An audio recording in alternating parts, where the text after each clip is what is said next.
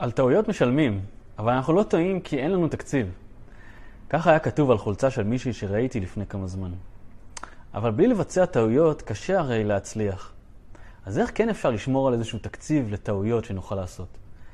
אז כמה דרכים שלמדתי ואני משתף אתכם היום. נקודה ראשונה, אל תעזבו את העבודה שלכם. כשיש רשת הצלה, יותר נוח לעשות טעויות.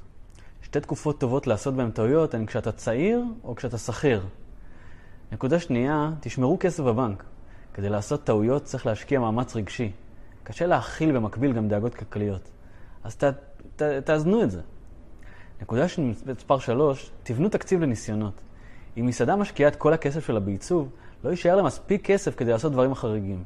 התוצאה תהיה מקום יפה, אבל עם אוכל בינוני. נקודה רביעית, תטעו מהר ככל האפשר. ככל שטועים מהר יותר, הטעויות זולות יותר.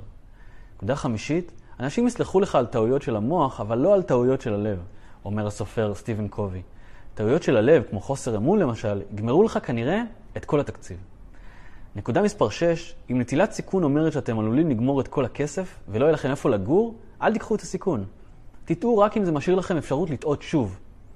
נקודה מספר 7, דרך טובה להתקדם היא דיוק מתהווה. ביצוע עריכה תוך כדי תנועה. אם תשקיעו שנתיים של תכנון בלי לבדוק בשטח, זה עלול לעלות הרבה במקרה שטעיתם. נקודה מספר 8, תעשו רק טעויות חדשות.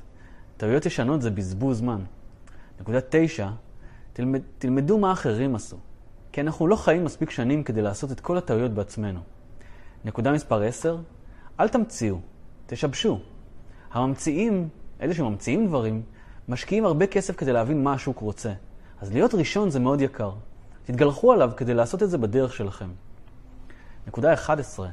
אנשי שיווק, קלדניות ומוכרים בסופר יכולים לעשות טעויות. טייסים, רופאים ואומני קעקועים, פחות. רוצים לעשות הרבה טעויות? אל תתעסקו עם חיי אדם.